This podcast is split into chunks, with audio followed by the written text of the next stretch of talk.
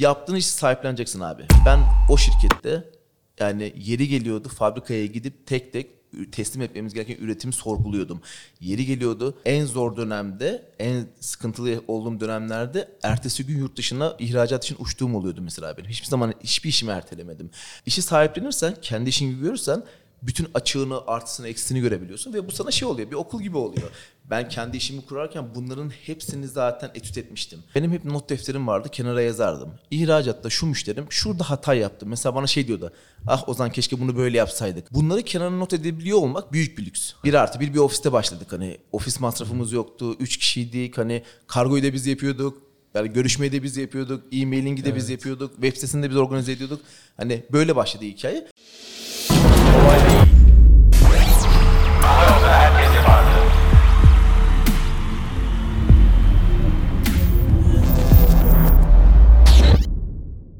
Okey, Servet Şekerleme'nin helvasıyla Sponsorluğunda. sponsorluğunda buradan adaşım Mustafa'ya da e, selam gö- göndereyim. Bizi bir ağırlar inşallah şeyde. Fethiye'de. Ozi ile onu konuşuyorduk. Sen Ali mi kullanıyor musun isim olarak? Ozan'ı kullanıyorum ben. Anladım. Alim şöyle hani herkesin şey oluyor ya lisede Ozan Ozan'ı kullanıyorlar. İlkokulda Alim'i kullanıyor. Ben de öyle bir durum var. İlkokulda Alim sonra Ozan'a dönüştü. Hadi ya. Üniversitede Ozan'a. Ozan ismini de çok severim şeyden dolayı. Ortağımın ismi de Ozan. Umut Ozan Yıldırım. Bu arada şey gerçekten e, bir böyle bir e-commerce summit yapmamız gerekiyor kendi içimizde. Böyle bir yani 6-7 kişi veya 10 kişi böyle bir beyin alışveriş ya bir beyin fırtınası Fırtınası. yapmamız gerekiyor. Fikir alışverişi. Kesinlikle öyle. Herkese merhaba. Çok kısa bir intro yapayım abi. Bugün çok sevgili Ozan'la birlikteyiz. Ozan Purist'in, Purist Solutions'ın e, kurucusu. Purist'in tam olarak ne yaptığını Ozan'a soracağım şimdi. Kendi hikayesinden de bahsedeceğiz. Ben çok kısa özetlemem gerekirse Purist e, böyle iki buçuk sene içerisinde kendi sektörünün en önemli markalarından biri haline gelmiş. E, bence ben tabii biraz da içeriden bildiğim için muazzam bir başarı hikayesi. Ozan birazdan bahseder hani nasıl bir sermayeyi kurdu vesaire. E, benim böyle hayretle izlediğim vay be her seferinde daha da böyle etkilendiğim bir marka. E, umarım yurt dışında da çok büyük işler yapacak. E, Bizim de İKAS müşterisi olduğu için aynı zamanda İKAS'ın bir kullanıcısı olduğu için de ayrıca gururlandığım ve teşekkür etmek istediğim bir marka. Ozan hoş geldin. Hoş bulduk. Selamlar abi. Biz teşekkür ederiz bu arada. Ne demek? İKAS müşterisi olmak da çok keyifli. Eksik Ayrıca hani sizlerle bunları konuşuyor olmak da çok değerli. Yani hem ekosisteme sağlayabileceğimiz beraber katkılar noktasında hem de neler yapabiliriz noktasında bunları konuşabiliyor olmak bence Türkiye için çok önemli değerler. Kritik abi gerçekten öyle. Ee, biz Ozan'la bugün sabah e, 7'de Ankara'da e, haşlama çorbacıda buluştuk. Ozi'yi ben... e, Gurbe ortaklığı. Aynen aynen gurme. Ozi'yi dün Instagram'da böyle Ankara'dan story attığını yakalayınca oğlum dedim neredesin geldin mi falan. Ozi'nin de yani çok komik yani. ya Ozan'ın bana yazdığı şey evet abi Ankara'dayım çorbacıya gidelim mi? ben bu arada normalde bu çorbacı muhabbetinde tekim yani. Hani böyle arada söyleyenler oluyor abi beraber içelim falan ama böyle çok ciddi teklifler değil genelde. Ee, o yüzden şaşırmakla beraber zaten böyle bir dikkat ettiysen şey oldum. Emin misin? Hani gerçekten mi? Saat uyar mı? Yo, Bak ben ben de seviyorum abi. Ben gerçekten hem gittiğim yerlerde hem de bir de şeyde de İstanbul'dayken de hani biz küçükken de babamda sağ olsun böyle bir kültür vardı. Bizi dershaneye götürmeden önce beraber çorbacıya giderdik. Ben kız kardeşim babam. Nerede büyüdün? Çorba içerdik. Ateşehir'de büyüdüm ben. Hatta Ümraniye Ateşehir arası şu anda. Ümraniye'de doğma büyümeyim. Yani o zaman babamla beraber babam e, devlet memuruydu. Vergi dairesine gitmeden önce bizi dershaneye ve okula bırakırken böyle bir uğrardık çorbacıya. Kız kardeşim de mesela çok sever. Hatta aynı zamanda bizim diğer kurucu ortağımız. Bizde bir sabah çorba kültürü vardır yani. Evde bile pişerdi çok da. inanamıyorum. Memleket nere? Biz aslında Ağrılıyız abi. Ağrılısın. Senin acaba oradan da bir şeyiniz var mı böyle hani? Aslında Ağrılı. Çorba. Severiz ama böyle sabah çorba. Bir de orada da meşhur zaten. Zaten biz seninle konuştuk da sabah fotoğrafı attık. Endonezya'da bir arkadaşım var şu anda. Bir Endonezya'da bir de Amerika'da iki kişi yazmış. Amerika'daki çok şeyden e, canı çekmiş çocuğu. Ondan Memleket yazmış. hasretinden. Aynen, memleket hasretinden. Endonezya'daki de şey yazmış. Ne alaka ya Mustafa ile Lara buluş. Çorbacıda buluştunuz sabah yedi. Seni de tanıyor bu arada. sabah yedide çorbacıda buluştunuz yazdı. Dedim valla dünden planladık geceden. Ya çok inanılmaz oldu. Gece yazıştık ve e, ben sabah 5 dese de fark etmez zaten erkenciyim. E, Ozan da erkenci. E, çok keyifli oldu. Umarım beğenmişsindir Ozan. Evet, evet beğendik abi çok da güzeldi gerçekten. Ya biraz koşturmacalı geçiyor abi girişimcilik böyle bir şey yani. Ben dün bugün salı abi Ben pazar gece 3'te Azerbaycan'dan döndüm. Pazartesi günü sabah evdeydim. Sabah kahvaltı yaptım evden çıktım Ankara'ya geldim. İşte fabrikaydı görüşmelerde oydu buydu. Şimdi burada seninle bunu çekiyoruz. Bundan sonra Gazi Üniversitesi'ne geçeceğiz. Hazal'ın bir sunumu var. O sunumdan sonra hıp İstanbul'a geri dönmemiz gerekiyor. Çünkü yarın şeye katılacağız. Marketing Summit'e katılıyor olacağız. Ya bir girişimcilik böyle bir şey işte. Koştu, insanlar hep şey diyor mesela. e, Bildan Hanım şeyden dönerken, Azerbaycan'dan dönerken şimdi gruba yazıyorum. O bizim finans yöneticimiz, muhasebe yöneticimiz. Fabrikaya geldiğimiz zaman o da geliyor bizle beraber. Dedim ki işte gece 3'te iniyorum sabah 7'de çıkarız yola Ankara için. Dedi ki o zaman uyumuyor musunuz? bir bırakın da bir uyuyun dedi. Tamam o zaman dedi 9'da çıkalım. 9'da yola çıktık mesela. O zaman çok güzel bir yere dokundun abi. Ee, şimdi Purist aslında çok bilinen bir marka ve e, sen de bunun arkasındaki tabii Hazal'la birlikte siz mimarları olarak bu işin birçok insan da bu tür markaların böyle genç özellikle girişimci. Kaç yaşındasın bu arada bilmiyorum. Ben 29 yaşındayım abi. 29 yani inanılmaz genç bir yaşta devasa bir marka, devasa cirolar işler yapan bir markanın e, arkasındaki insanların hayat tarzını çok merak ediyorlar. E, böyle biraz spontan konulara konuya atlarız ama mesela uyuyor musun çok? Hani nasıl geçiyor ya program? Yoğun olduğunu biliyoruz ama ne kadar uyuyorsun günde? Abi şey mesela ben şunu bırakmayı öğrendim. Yani neyi bırakmayı öğrendim? İnsanlara yoğunum demeyi bırakmayı öğrendim. Önceden şey diyordum mesela. Herkes bana arıyor mesela beni. Tık meşgul atıyorum. Şu anda konuşamıyorum. Sonra göreceğim. Toplantıdayım sonra göreceğim. Ya da görüştüğümüz zaman açıyorum telefonu ilk şey diyordum. Ya abi çok yoğunum bu ara. Hani halledeceğim. Tudum da var. Bekliyorum. Onu demiyorum ben. Çünkü artık hep yoğunum. Hani şey yok. Benim gerçekten son iki buçuk senedir abi başladığımız günden beri. Tabii ki önceden özel sektörde beş buçuk yıl kadar da özel sektörde çalıştım ben. Hani orada da çok yoğunduk. Projeyle çalışıyorduk ama kendi işim başka bir olay. Hani muhasebesinden tut finansı, insan kaynağı yönetimi, ihracatı, üretimi, markası, algısı, legali, avukatı yani o kadar çok dallanıp budaklanıyor ki iş hani ve sen yoğun olmak zorundasın. Ben o yüzden mesela bunu kendime bir şiar edindim. İnsanlar artık yoğunum demiyorum. Çünkü yoğunum zaten. Hani bunu Evet. tekrar bir açıklama gereği hissetmiyorum. Ee, uyuyor muyum? Uyuyorum ama e, çoğu zaman şey olmuştu. Mesela geçen hafta 3 gün 8 saat uyudum toplamda. E, bu Azerbaycan hikayesinde mesela Azerbaycan şey gibi biraz daha böyle e, tatil gibi oluyor bizim için aslında. Mesela ben oraya gidiyorum iki gün distribütör görüşmesi yaparım. Üçüncü gün hafta sonu denk geliyorsa bir kalıyorum hani bir gün dinleniyorum sonra Geziyorsun. dönmeye çalışıyorum. Çünkü başka türlü oraya gidip bir daha benim gezme şansım veya bir zamanım olmuyor. O yüzden böyle anları değerlendirmek çok değerli. Uyuma noktasında da ben sabah erken uyanmayı seviyorum bu arada hani. Sende de onu biliyorum. Evet. Günde kaç saat uyuyorsun? Bununla ilgili bir disiplinin var mı? Örneğin ben günde 7 saat uyuyorum, 5 saat uyuyorum. Disiplinim yok abi ama mesela bu 3 saatlik ekstrem durumlar dışında minimum 6 saat uyumaya çalışıyorum. Ama maksimumda da 8 saati geçirmiyorum mesela. Ben şeyi çok seviyorum. İşte 11 gibi falan yatabilmeyi çok seviyorum. Hani bu benim için lüks. Hani eğer 11 gibi yatabiliyorsam çok değerli. Dışarıda bir yemekte değilsem, bir şeyde değilsem 11 gibi başa ya uykuda problemim yok çok. Uyuyabilen bir insanım. Ya, ya önemli başıma koyduğum zaman bence de çok önemli bir şey gerçekten. Uyuyamamak bence kötü bir şey yani. Bu Evet. değer yani o kötü bir algı. Ben başımı koyduğumda uyuyabilirim. Mesela 11 benim için çok değerli. 11'de uyuyabiliyor olmak. Tık diye sabah 6.30 7 duruma göre. Mesela Ankara'ya geleceksem sabah 5. Hani 5'te kalkarım yola çıkarım. Geçenlerde mesela geldik. Normalde 8 gibi falan giriyoruz Ankara. 8 8 gibi. Fabrikada o saatlerde açılıyor. 7.45'e geldik. Fabrikanın sahibini aradık. İşte dedik abi geldik kapıdayız falan. Dedik ne yapıyorsun bu saatte? Bu da evden gidememiş sen İstanbul'dan gitmişsin. ben evden gelemedim. Ama ya. verdiğin örnek güzel ya. Bana ayrıca söylemişti. Hani sizin Ataşehir'den falan hakikaten sabah erken çıkıp bastığında iki buçuk saatte gelebilirsin Evet, yani. evet. Özellikle Kuzey Marmara bayağı işimizi rahatlattı Evet. bizim. Evde benim Çekmeköy'de yakın Kuzey Marmara'ya. Oradan çıkıyorum. 2,5 2 saat 45 dakikada girebiliyorsun Ankara'ya. Tabii yani bu arada İstanbul Ankara'yı uçakla yaptığında daha uzun yani. Özellikle Ben hiç uçakla neredeyse Ankara'ya gelmedim abi. Ben hep karayoluyla geldim. Bir de şey Mustafa mesela o anda değerli. Hani biriyle gelebiliyorsam, aracı kullanan biri varsa ben 2,5 saat inanılmaz verimli çalışıyorum. Hani 5'te o bir... tam Ya biraz olarak tam olarak o yüzden ben uçak uçakla gidiyorum biliyor musun? Onu söyleyecektim. E, Benim abi uçakla gitme sebebim e, uçakla gittiğimde en azından uçak işte kalkana kadar inene ve uçakta bile e, ellerin serbest bir şekilde bir şeylere bakabiliyorsun, çalışabiliyorsun veya dinlenebiliyorsun ama eğer sen o iki buçuk üç saat Ankara İstanbul arasında arabayı sürüyorsan hem bir şeye bakamıyorsun hem de o da bir yorgunluk ya- yaratıyor yani hani. Orada yüzde yüz katılıyorum. Sürecek ben biri varsa güzel. genelde arabayı sürmemeye çalışıyorum. Ya işte bir arkadaşımız, ekip arkadaşımız geliyor. Ya birinden rica ediyorum hani bir şekilde ben biriyle gelmeye çalışıyorum ki o yoldaki iki buçuk saati değerlendireyim. Ki bazen şey oluyor. Sabah beşte kalkmışsın, duşunu almışsın, evden çıkmışsın, toplantıya gidiyorsun. Ankara'ya işe güç görüşmesine gidiyorsun. Ve o iki buçuk saatte bilgisayarını açıp mesela böyle iki saatte temizleyeceğin mailleri yarım saatte temizliyorsun. Tık dönüyorsun tudularına bakıyorsun. Neler yapmam gerekiyor. En büyük sıkıntı bence şu anda benim gözlemlediğim o.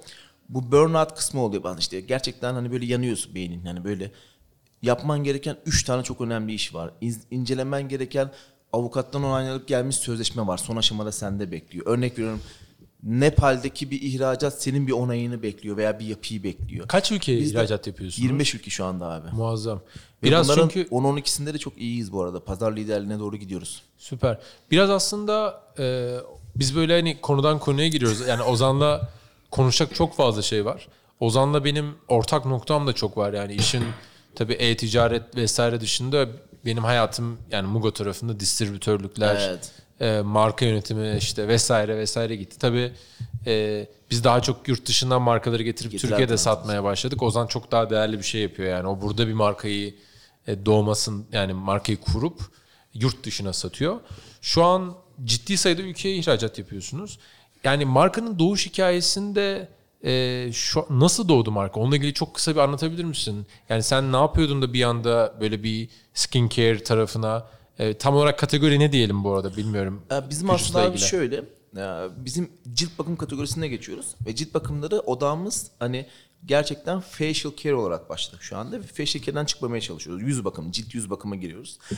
Oradan biraz çıkmamaya çalışıyoruz. Biraz da markanın konumlandırılmasıyla alakalı aslında. Bunu Türkiye'deki markalar genelde doğru yapamıyorlar. Hani odak noktalarına mesela örnek veriyorum ben skincare, skincare'de facial care kategorisine odaklandım. Nedir? Yüzdeki cilt problemi, cilt sorunu ve buna odaklandım. Ben mesela ürün veya markam tuttu diye saç bakımına girmemem gerekiyor. Bunu biliyorum. Hani Türkiye'de ama markalar hazır penetrasyon var, hazır müşteri var, hazır kullanıcı Dağıtım var, ağı var, marka girelim. büyüyor, dağıtım ayı var, var. Şu kadar eczanedeyiz, Watsons'tayız, Rossmann'dayız. Hani e, barkod eşittir ciro mantığıyla bakarsan abi kaybediyorsun. Çünkü belli bir seviyeden sonra kullanıcı deneyimini önemsizleştiriyorsun. Kullanıcının beklentisini önemsemiyorsun. Burada bizim odak noktamız mesela bu hala mesela bizim yani 17 SKU'muz vardı. Şimdi 3 SKU ile beraber 20 SKU'ya çıkıyoruz. Bizim kategoride markalar lansman yaparken 60 referansa başlıyor. Evet. Hani 20 eski demek arkadaşlar 20 çeşit ürün demek. Evet Yani 20 şöyle- referans ürünümüz var bizim ve bizim şu anda örnek veriyorum 2022 forecast'imiz Allah nasip ederse tamamlayacağız 2.3 milyon adet civarı. Hani 2.3 milyon adet demek abi 20 SKU'da cilt bakımında muazzam bir rakam. Çünkü İnanılmaz biz şampuan satmıyoruz. Hani e, biz kolonya satmıyoruz. Hani adete koşabilecek ürün satmıyoruz. Hızlı tüketim şeyi satmıyorsun. Biz yani. yani FMC'ye girmiyoruz Efendim, biz evet, gerçekten. evet. Biz şey değiliz hani biraz daha odaklı ve kullanıcının ihtiyacı olsun alması gereken bir ürün sattığımız halde 2.3 milyona ulaşıyoruz. Sen ürünleri kendi cildinde kullanıyor musun? Kullanıyorum, evet. Bakınca cilt ne güzel cildi falan var. Çok da anlamam ciltten bu arada da yani. Kullanıyorum. Hyaluronik asit serumu kullanıyorum ben ve iki buçuk yıldır düzenli kullanıyorum ben de. Benim böyle. kullanmamı tavsiye ettiğin bir şey var mı şu an Yok. bakınca? Sen de şu an bir şey göremiyorum. Belki göz çevresi kırışıklar olmasın diye ben önceden bir şeye başlayabilirsin. Peptit komplekse başlayabilirsin. Öyle. Ben abi bu işleri hiç anlamam. Hayatımda hiçbir zaman bir şey kullanmadım yani hani nemlendirici bile kullanmam yani vücuduma, Bu işte aslında suratıma. şey e, kadınlarla erkekler arasındaki fark gibi bir konu abi. Herkes şey diyor işte e, bununla ilgili çok da şey vardı internette capsler falan vardır. E, kadınlar işte 10 tane ürünü arka arkaya kullanır ve bunu işte bir rutin gibi kullanıyor. Yanında erkek hiçbir şey kullanmıyor. Cildi daha sağlıklı gibi. hani bu tabii ki şey e, sonuçta bunların hepsinin bir bilimsel altyapısı var. Sonuçta bizim kullandığımız aktif içeriklerin hepsinin örnek veriyorum bizim kullandığımız hyaluronik asit Kore'den geliyor ve 2020 lansman bir hyaluronik asit ve 4 farklı molekül boyutunda da sodyum hyaluronat içeriyor içerisinde. Şimdi mesela bu o kadar değerli bir olgu ve proje ki hani bunu ürünleştirip doğru formülasyonda kullanıcıya sunduğunuz zaman zaten ürün başarılı oluyor ve geri dönüş alıyorsunuz. Bir de bizim en büyük değerlerimizden birisi biz problem odaklıyız. Türkiye'de de cilt problemi gerçekten var. Özellikle gençlerde sivilce, akne, leke, orta yaşa doğru geldiğinde biraz daha leke. İşte yaşlanma karşıtı biraz daha az Türkiye'de bir yabancı markalarda çok e, bu konu konuşuluyor. Mesela geçenlerde şeyin bir etkinliğine katıldım. Nielsen'in bir etkinliğine katıldım.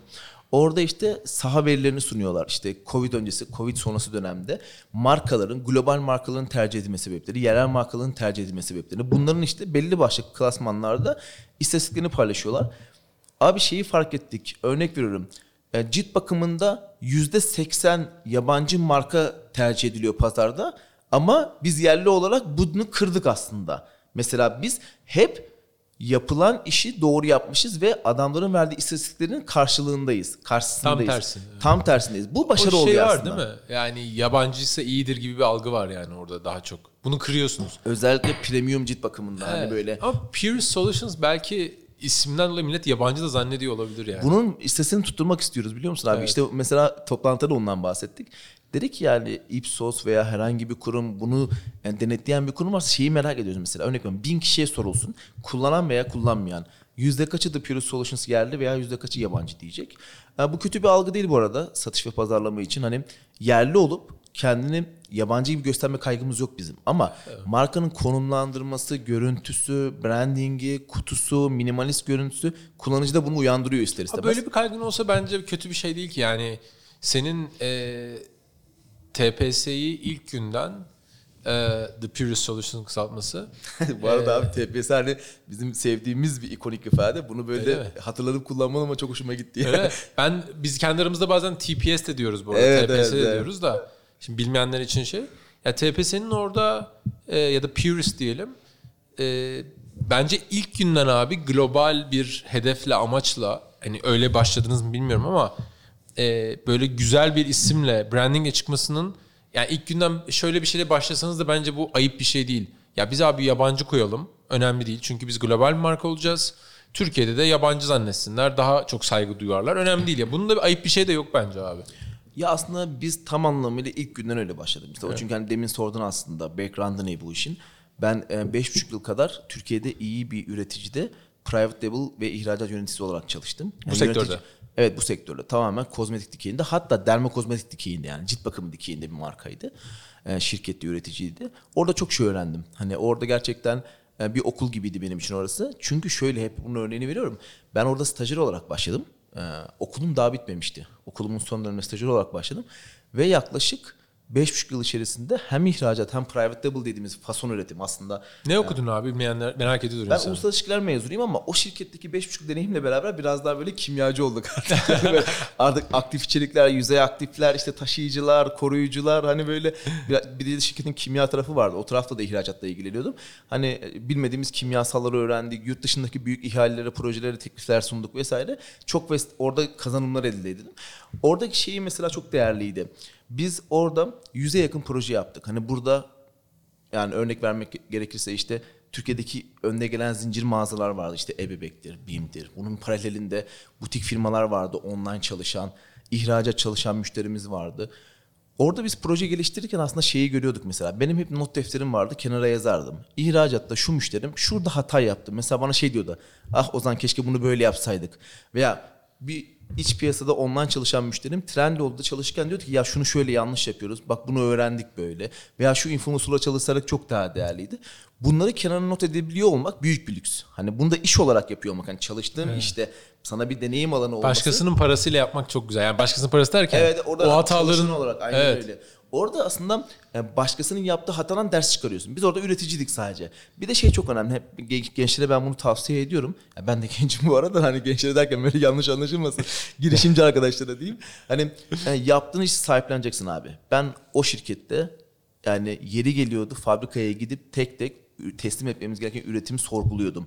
Yeri geliyordu işte hep bunu anlatırım. Ee, ben en zor dönemde, en sıkıntılı olduğum dönemlerde ertesi gün yurt dışına ihracat için uçtuğum oluyordu mesela benim. Hiçbir zaman hiçbir işimi ertelemedim. Veya yurt dışında gitmeden önce o bölgede yapacağın bir araştırmayla bir sürü şey öğreniyorsun. Oradaki potansiyeli keşfediyorsun. İşi sahiplenirsen, kendi işin gibi görürsen bütün açığını, artısını, eksisini görebiliyorsun ve bu sana şey oluyor, bir okul gibi oluyor. Ben kendi işimi kurarken bunların hepsini zaten etüt etmiştim. Kafamda kurgulamıştım. Peki bir şey soracağım. Lafını unutma abi. Bu izleyenlerin hakkında buna benzer sorular gelecek. Bence onlar için de çok e, böyle yani beyin açıcı olacak bu. Bu beş buçuk yıl içerisinde e, böyle bir işi kurma hayalin ilk günden var mıydı? Ne zaman belirdi? Çünkü e, ben farklı yollar geçirdim yani. Ben 21 yaşında girişimciliğe başladım. Hiçbir yerde çalışmadım. Ozan'ın yaptığı çok değerli bir konu. Ee, benim yaptığımla Ozan'ın yaptığının ikisinin de artı ve eksileri var. Hani ilk günden hiçbir yerde çalışmadan bir şeyler yapınca bu sefer başka dezavantajları da var. İşte demin anlattığın o ben bir sürü şey gördüm göremiyorsun. Her şeyi kendin keşfetmen gerekiyor ama başka artıları da var. Burada yani senin yaşındaki birinin hadi ki gerçi senin yaşın gene görece büyük ama artık abi kimse kolay kolay 5,5 sene durmuyor bir şirkette. Evet. Yani burada senin nerede başladı? Ben ileride bir şirket kuracağım. Bu o yüzden buna öğren öğreneyim burada deme aşaman. Aslında şey işe başlamadan önce ben bunu birkaç yere daha dile getirdim. Üniversitede biz arkadaşlarla bunun konuşmasını yaptığımızda ya üniversite 2'de ya 1'deydik. Ee, Ben o zamana kadar 22 farklı işte çalışmıştım abi. Hani örnek veriyorum belediyenin e, şey dağıtım projesi vardı. Metal çöp kovalarından plastik çöp kovalarını dağıtım projesi vardı. Arkadaşlarımızla beraber mesela o işi yaptık. Üniversite öğrencileriyle yaptık. Yani onun dışında farklı farklı iş alanlarında çalıştık. Farklı farklı işletmeler gördük. Kendim Bolu'da son yaklaşık 3 yıl kadar bir işletme sahibi oldum. İşletmeye başladım çalışan olarak. Sonrasında beraber işletmeye başladık. Bunlar hepsi çok değerli olgular. Ve ondan sonra 5,5 yıllık deneyimde tabii ki dediğim gibi orası benim için çok değerli bir okuldu. İlk başladığım gün bende şu mantık vardı. Ben öğrenmeliyim işi. İhracat stajyeri olarak başladım ben. O da mesela hep de örnek veririm söylerim. Elgin Kan Vakfı vardır. Elgin Kan Vakfı'nda ben ücretsiz bir şekilde üniversite öğrenciyken dış ticarette uzmanlık eğitimi aldım. Ve ben o dış ticarette uzmanlık eğitimi CV'mde yer alıyor diye o işe girdim stajyer olarak. Aslında her şeyin temeli buradan başlıyor. abi. Hani bu hayatta her- hiçbir şey tesadüfi yaşamıyoruz yani. Her şeyin bir amacı var. Benim o kursa gitmem, onu oradan o vakıftan o eğitim almam, o vakıfın bize ücretsiz olarak bu eğitimi sunması ve benim şirkette çalışıyor olmam bu dış ticarette uzmanlık e, sertifikası sayesinde. Orada mesela başladığım gün itibariyle sağ olsun bu arada onlar da şey mantığında değillerdi. Büyük şirketlerde bu var genelde. Orası biraz daha aile şirketi tarzındaydı. Orada mesela benim önümü açtı. izin verdiler bana. Sen bununla ilgilenebilirsin dediler mesela. İnisiyatif verdiler. İnisiyatifi tamamen açtı. Oradaki şey mantığı yoktu. Büyük şirketlerde bazen şu olabiliyor. Departmanlaşmadan ötürü e, hiyerarşik düzenden dolayı insanlar yani potansiyel girişimciler kendi potansiyelini fark edemiyor. Çünkü düzenli, sabit belli işleri yapıyorlar. Başka bir şeye çocuk merak etse de bulaşamıyor. Merak etse de giremiyor. Burada ben merak ettiğim için hep öğrendim. Merak ettiğim için hep zorda kaldım ve çözmekle uğraştım. Fason üretim mesela. Ben ihracat olarak girdiğim halde private label'a burnumu soktum. Dedim ki nasıl oluyor bu iş? Hani biz üreticiyiz. Nasıl yapılıyor bu iş gibi gibi durumlar oldu. Ve çok da keyif alarak sevdim o işi. Bir de ürün geliştirmek, marka yaratmak çok keyifli bir olgu. Hani gerçekten ben bunu orada o keyif aldıktan sonra ben kendi işimi yapacağım kesinlikle dedim. Hani bu arada kendi işimi yapacağım mantığı hep vardı bende. Benim aile de aslında biraz girişimci. Babam devlet memuru ama amcamların e, potansiyel yıllardır bir sürü girişimleri var. E, paralelde dedemin aynı şekilde bir sürü girişimi vardı zamanında. E, iyi bir esnaftı o da kapalı çarşıda. Ve onlardan gördüğüm çok şey vardı. Benim her yazım kapalı çarşıda geçerdi mesela. Bu da çok değerli bir olguydu. Hani Süper. ben e, Ama onlar sanki böyle çok da çok da büyümediler değil mi yani hani böyle. Tabii, tabii, oradan- Sen oradan da bir şey bence öğrendin, gördün ya. Ben çok böyle şey gördüm. Çok şey gördüm. Özellikle şu anki yaşadığım hani hem şirket yönetimi hem aile ilişkileriyle şirket ilişkilerinin doğru yönetilmesini mesela onlardan öğrendim ben. Çünkü gördüm birebir de abi. Çok iyi fırsatlar geliyor insanın eline ama yönetebilmek başka bir mevzu. Hani onu cover edebilmek yani çünkü sen mesela şu an bizim ekipte çok hızlı büyüdü. Biz şu anda 117 kişi olduk ve gerçekten dertleniyorsun çalışanınla. Çalışanın derdini dertlenmen gerekiyor. Aynı zamanda da onun motivasyonunu sağlaman gerekiyor ve ondan da verim alman gerekiyor günün sonunda. Ve hızlı büyüyorsun bir yandan. Hani bir yandan da şey marka koşuyor, arkasından yeni nefes nefese yetişmeye çalışıyorsun. Bunların hepsini yönetebilmek çok ayrı bir konu. O aşamaya gelmeyenler bilmez yani. Ee, yani bu işe alımı yani ekibi büyütme işi başarının en önemli sırlarından bir tanesi. İşler özellikle büyümeye başladığında aynısı bizde de var yani çok e, bir senede 30 küsür kişilerden 105'lere geldik. Seneye büyük ihtimal 200-250'lere çok geleceğiz. benziyoruz işte. Annen mesela Evet. biz İKAZ'da ilk görüştüğümüzde de ben ilk görüşmemizi yaptığımda ekibe şey demiştim. Yani biz siz sanki bizim teknoloji startup yansıtmamız gibisiniz. Geçen sene biz de 20 küsür kişiydik. Bu sene 117 kişiyi konuşuyoruz aslında. Evet, beraber büyüyoruz. Çok güzel bir şey. Büyümemiz, şeyimiz, yolculuğumuz hep aynı yani. O çok keyif veriyor aslında. Evet. Siz bizim teknoloji tarafımız. Biz biraz daha son ürün üzerinden ilerliyoruz. Branding'e çok önem veriyoruz. Yani bunu konuşabiliyor olmak çok değerli bence. Beraber büyüyor olmak da çok değerli. Kesinlikle. Peki sen abi e, hafif böyle manşetimsi şeyler konuşalım. Mesela iki buçuk üç sene önce yani çok ya senin hikayen çok ilginç. İki buçuk sene önce başlamış olman. Belki de işte e, o beş sene, beş buçuk senenin sendeki kazanımları iki buçuk senede e, sıfırdan belki işte ne kadar sermayeyle başlamışsındır bu işe? Biz çok cüzi rakamlarla başladık abi. Yani burada gerçekten e, girişimcilere örnek olması adına rakam veremesem bile yani biz yani 500 bin TL'nin altında bir rakamla başladık ve şundan dolayı aslında 500 bin TL'nin altında. Şimdi arkadaşlar şey diyebilir. 500 bin TL kötü para değil şu anda. Ve 3 sene önce daha da güzel bir paraydı bu arada hani şu anki rakamlara baktığımız zaman. Fakat bizim şöyle bir durumumuz vardı. Biz yaklaşık o o zamanlar 12 bin, 13 bin ürün ürettik. Hani ürün eşittir paraydı. Bizim onun dışında bir yatırımımız yoktu. Bir artı, Satamasaydın bitmiştin yani. bir artı bir bir ofiste başladık. Hani ofis masrafımız yoktu. Üç kişiydik. Hani kargoyu da biz yapıyorduk. Yani görüşmeyi de biz yapıyorduk. E-mailing'i de biz yapıyorduk. Web sitesini de biz organize ediyorduk. Hani böyle başladı hikaye. Bizim yatırım maliyetimiz yüksek olduğu için biz öyle bir rakamla başladık. Bu arada abi çok az bir rakam. Yani şu, lütfen hani mazur görün beni. Gerçekten çok az bir rakam. 500 bin lira 3 iki buçuk üç sene önce de yani ben referanslayabildiğim bir şey şey noktalar var. Ee, şimdi diyebilirler ki abi 500 bin lira işte biz nereden bulacağız falan. 500 bin lirayı devlet birçok yerden farklı desteklerden bile bulunabilecek bir para. Yani öyle sizin boyutunuzdaki bir iş için muazzam cüzi. Bu arada yani o da çok önemli Mustafa. Biz e, sermayemiz de vardı. Ama biz bir girişimciydik ve bizim şeyi kovalamamız gerekiyordu. Nerede teşvik var? Ne yapabiliriz? Hiç unutmuyorum mesela biz ilk başlamadan önce Koskebe projesini yazmıştık bu işin ve teknoloji olmadığı işin içerisinde veya bir e, growth bir şey olmadığı için yani marka çıkarıyorsun, ürün geliştiriyorsun, satıyorsun. Yani ticari gözle bakıldığı için o zaman bizi teknolojik değerlendirmemişti Koskep. Fakat en kötü ihtimalle şey almıştık mesela. İş kuruluş bedeli gibi bir şey vardı mesela. Şirket desteği, şirket kuruluş desteği onu almıştık mesela.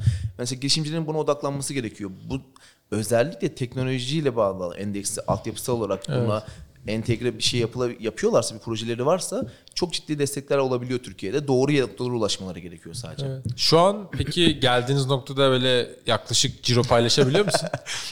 Şu an şöyle aslında Yani insanların o 500 bin ne? Yani 500 bin de değil daha az bir sermayeden başladın ama yani iki buçuk senede getirdiğin yeri anlaması açısından ve marka büyüklüğünü biraz anlaması için de açısından söylüyorum. Paylaşamıyorsan sorun yok yani. e, aslında şöyle e, paylaşmak çok isterim ama hani Paylaşamam. Şöyle bir de konu var. Bizim şu verileri paylaşabilirim bu arada. Bunlar da çok değerli veriler bu arada. Bizim hani incelediğimiz ve gördüğümüz kadarıyla şu anda e-marketplace'lerde skincare'de pazar lideriyiz. Yani birinci sıradayız. Pazar yerlerinde yani. Pazar Trendyol hepsi burada Trendyol gibi. hepsi burada. Online tarafta estimate verilere göre tahmini olarak pazar lideriyiz ve en yakın rakibimizin çok çok üzerindeyiz. Ve en yakın rakibimizin bizden sonra gelen 5-6 markanın tamamı global. Hani bu çok değerli bir olgu bizim için. İnanılmaz büyük bir Ve başarı ya. pazar yerlerinde pazar yerlerinden bağımsız bulunduğumuz Watsons, Roseman gibi lokasyonlarda global rakiplerimizden nazaran konumlanmamız ve bunu verimli bir şekilde yönetebiliyor olmamız çok değerli. Hani biz orada artık e, gerçekten iyi cirolara ulaşan ve müşteri memnuniyetini önemseyen bir markayız ve onlar da bunun kıymetini biliyor. Onlar da sağ olsunlar biz yerli marka olduğumuz için bizi çok severek destekliyorlar. Hani bu çünkü e, bir partnership modeli aslında. Ürün doğru, kullanıcı doğru, doğru fiyatlandırma ve doğru noktalara gelebiliyor bu iş. Ve bu bizim için aslında geldiğimiz noktada çok verimli bir hale dönüştü şu anda. Bizim bundan sonraki amacımız Türkiye'deki oluşumumuzu tamamladığımızı düşünüyoruz. Şöyle tamamladığımızı düşünüyoruz.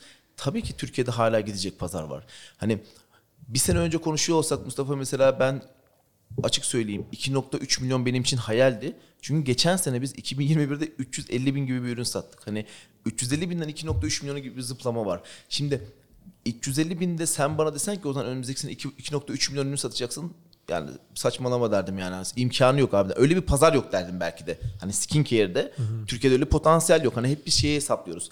İşte 80 milyon nüfus var. 80 milyon nüfustan Bizim %90-92 civarı hedef kitlemiz kadın. 80 milyon nüfusta kadın erkek oranına baktığımız zaman 40 milyonluk bir hedef kitle var. 40 milyonda aylık veya 2 ayda bir ortalama 300 lira 500 lira bu ürün grubuna verebilecek kitle sayısı belki 2 milyon. Bir de yaş Hani grubunu daraltmak yaş lazım. grubunu daralttıktan sonra bu belki 1,5-2 milyon gibi bir rakama denk geliyor. Yani sen o zaman 2.3 milyon satıyorsa %100 pazar payın var demek matematiğe Herkes. zaman. evet. Yani herkes Bu arada senin verdiğin rakamdan bir hesap yapacağım şimdi. O yüzden yani Ozi söylemiyor ben söylüyorum. Yani 100 liraya satsan bir ürünü 2.3 milyon nokta 3 milyon ürün satmışsın. Yani DTC var. Çoğunluk DTC sonuçta sen satıyorsun. 230 milyon lira ciron olması lazım yıllık yani. Bunun üstünde mi ciron? işte girişimci olunca böyle abi her şeyi otomatik hesaplıyorsun. Hayır hayır bak Ama şimdi sen söylediğin için ben, ben şeyi yapmadım yani. Burada istersen bunu çıkartırız bölümden.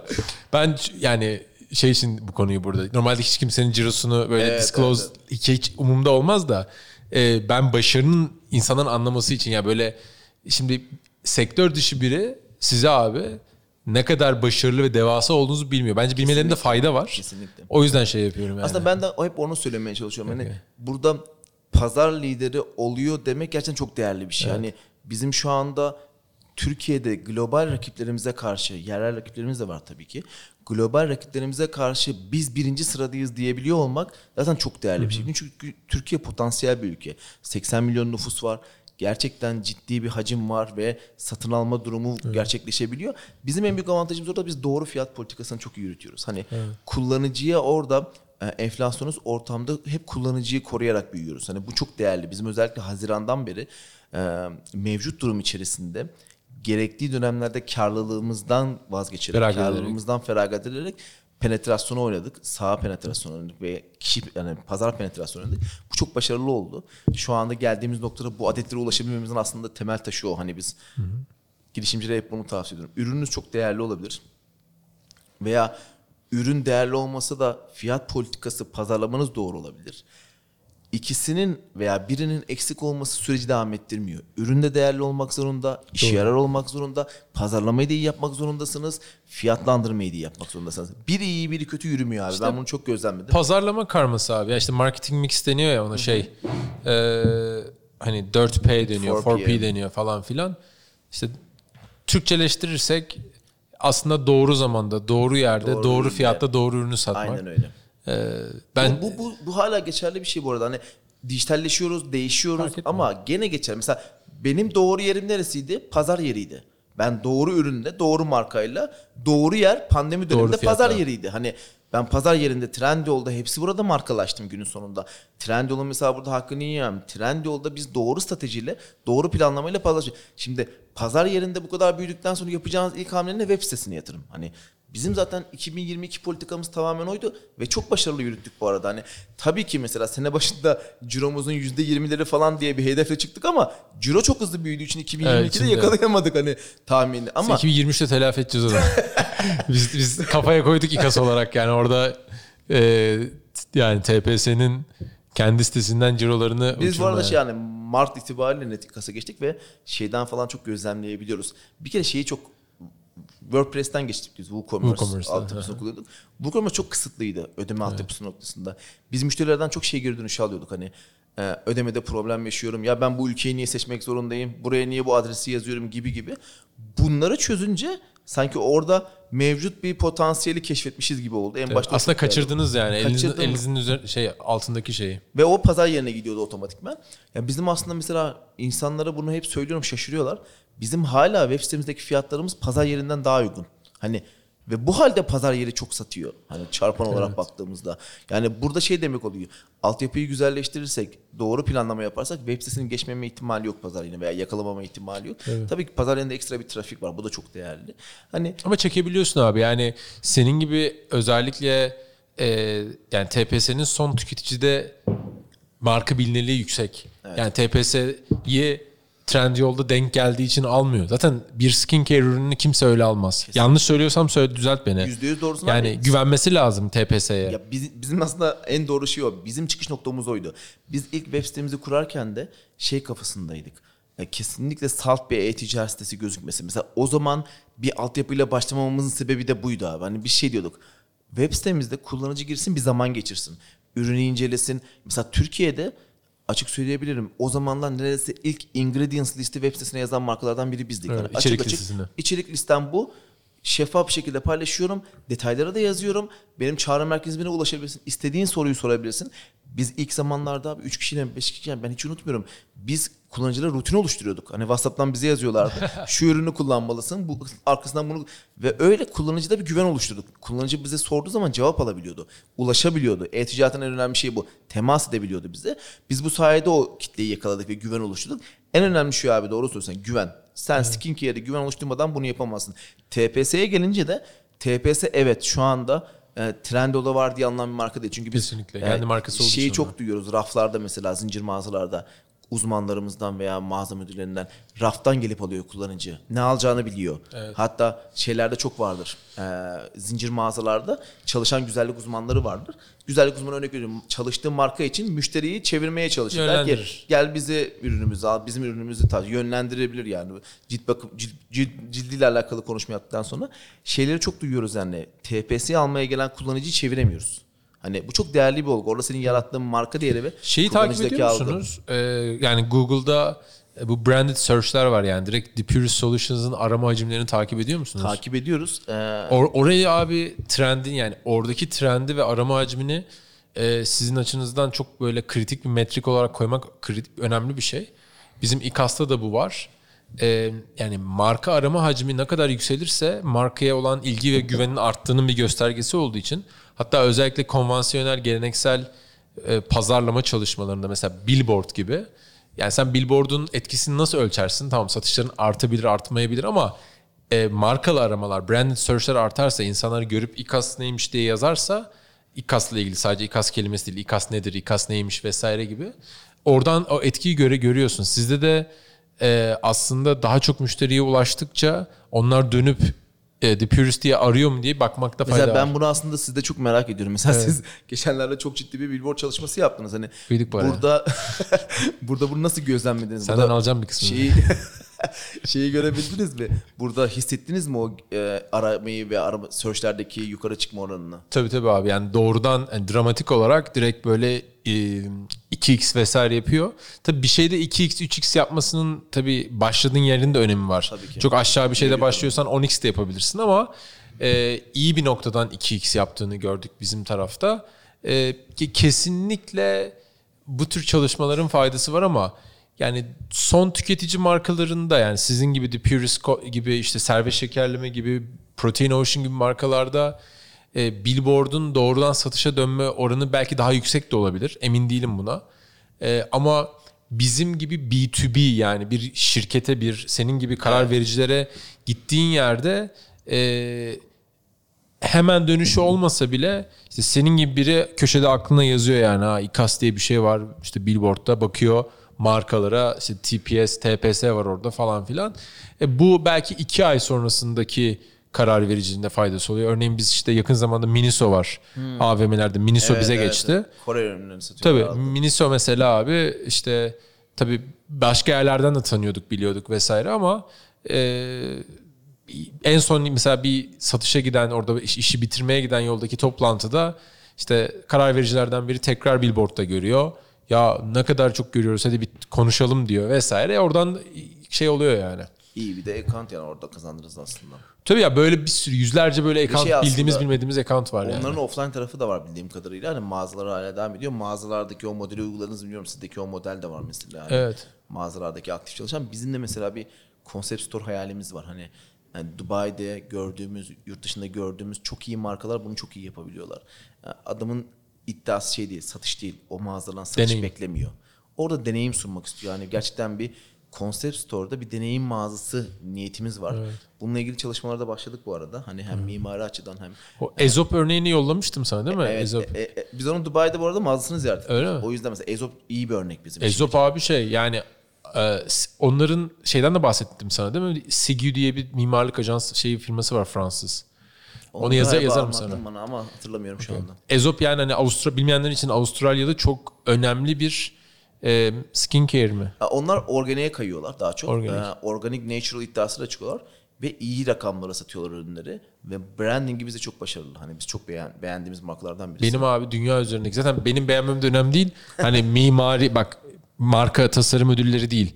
Dünyadaki tüm retail, pe- perakende, fiziksel e, tasarım yarışmalarına, ödüllerine bak. Ezop kesin vardır yani. Dünyada ben naçizane söylüyorum. e, sizin gibi bir markanın bence bakacağı ilk belki tek markadır Ezop yani şey olarak. Fiziksel perakende deneyimi olarak. Birkaç tane ha, fiziksel perakende olarak evet katılıyor olabilirim. Birkaç tane daha marka var gözlemlediğimiz. Çünkü şey çok önemli. Globali doğru araştırmak. Hani bizim sadece 6 kişilik bir iş geliştirme ekibimiz var. BD ekibimiz. Ve BD ekibinin birinci amacı abi şu. Dünyada kozmetik nereye gidiyor? Trendler nereye gidiyor? Evet, çok kritik. Cilt bakımında ne popüler? Mesela T-Zone diye bir ürün çıkardık en son. T bölgesi yağlanma giderici. Dünyada bir tane rakibimiz var. Hani Türkiye'de rakibimiz yok. Dünyada bir tane rakibimiz var. Bu o kadar değerli bir olgu ki bunu söyleyebilmek de çok değerli. Hani biz aynı olan ürünü çıkarmıyoruz. Hani olan ürünü çıkarmıyoruz. Mesela T-Zone'a biz bir buçuk yıldır uğraşıyoruz. Bir buçuk yıldır argesini yapıyoruz. Ve gerçekten ürün çok içimize sindi. Kullanıcılar çok matlaştır gitsin diye bir motto bulduk. Bütün kurguyu onun üzerine yapıyoruz. Süpersiniz Billboard ya. hikayesine geldiğim zaman abi orada şeye değinmek istiyorum. Mesela bizim de bir billboard niyetimiz var. Çünkü aslında beklenti var insanlarda. Herkes şey diyor neden TV'de yoksunuz, billboard'da yoksunuz, bu kadar biliniyorsunuz, trende oldu, üst sıralardasınız. Kullanıcılar bu kadar kullanıyor. Biz mesela billboard işi yapmak istemiyoruz abi. Oraya bir tane kadın koyalım, bir görsel koyalım. Yanında ürünler olsun. Satışa yönelik bir şey yapmak istemiyoruz. Artık biz gerçekten markanın ayaklarının yere bastığını, kullanıcıda Aa, bunu gördüğüm zaman TPS geliyor aklıma dediğimiz ikonik ifadelerle çıkmak istiyoruz. Bu çok değerli. Hani bugün hep hikayeler var ya McDonald's yerdeki yaya geçidini kendi patates kızartması gibi gösterip insanlar diyor ki Aa McDonald's veya Doritos çok güçlü bir şekilde reklamda sadece Doritos'un o üçgen şeyini gösterip Doritos algısını uyandırıyor insanlarda. Bunu yapabilirsek zaten markalaşma aslında tamamlanıyor. Bunu bir de globale taşıyabilmek önemli. Bizim bütün niyetimiz o zaten şu anda. Tüm kurgu global expansion için. Hani demin onu bahsediyordum. Türkiye'de 2.3 milyon bu sene ulaştığımız rakam çok şükür. Önümüzdeki sene e, bunun artacağını, iki katını çıkacağını hayal ediyoruz. Yapabileceğimize inanıyoruz. Belki daha fazla olacak. Belki de. Çünkü Seneye belki bu bu bölümü referans göstererek diyeceğiz ki abi sizin hikaye yani şu bence şunu diyebiliriz. Bence bölüm başlığında bunu koyalım. Hani 500 binden 250 milyona yani değil mi?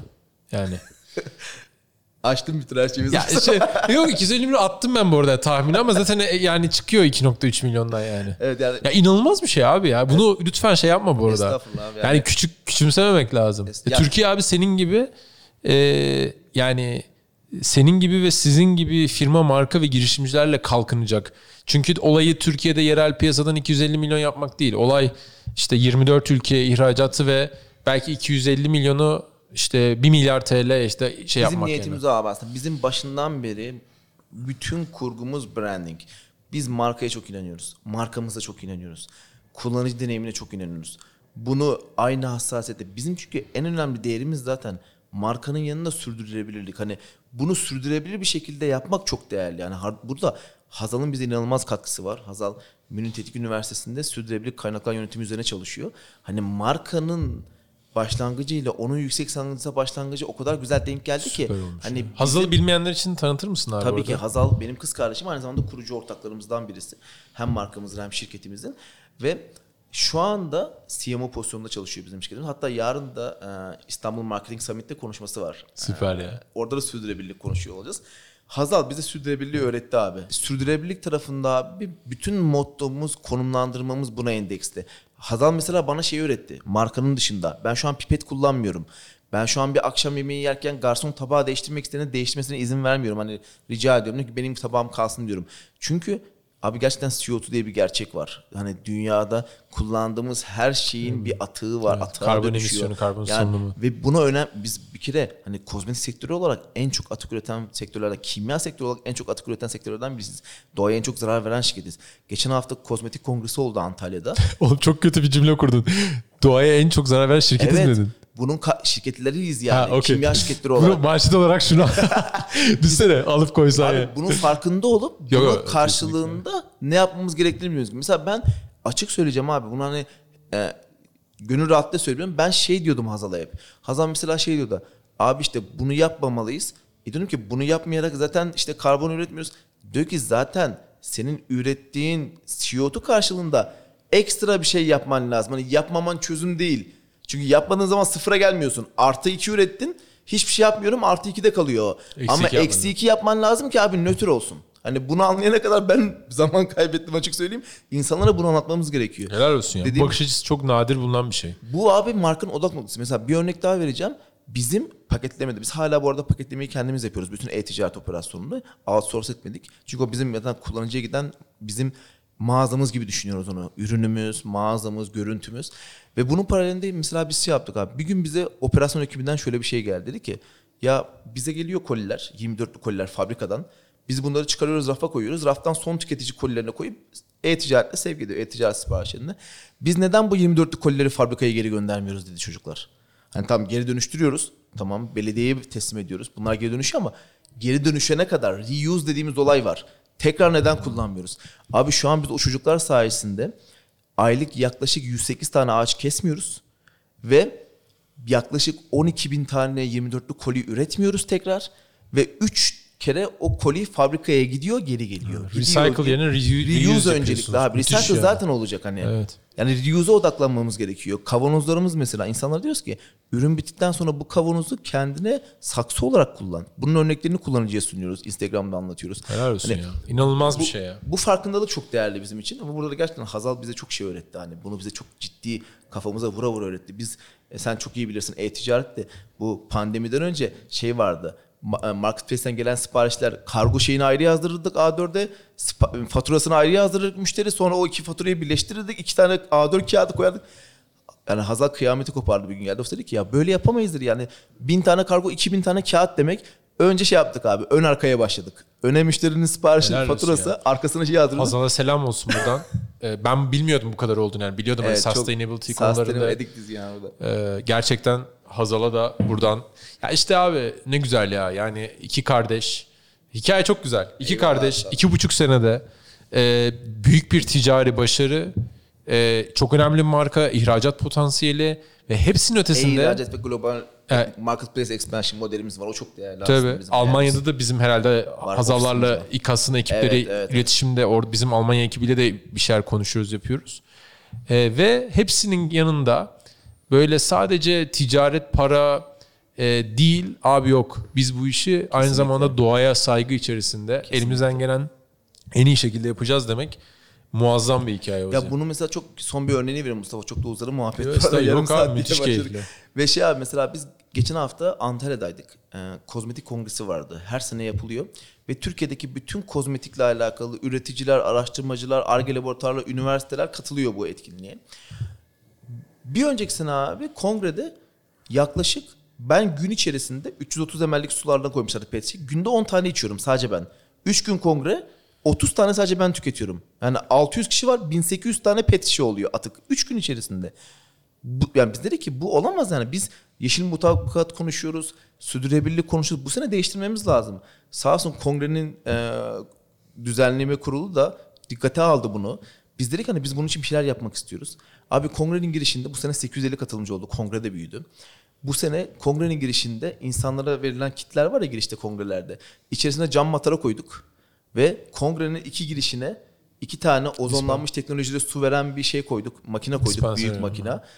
Ve sıfır plastikli ilk kongreyi yaptık Türkiye'de.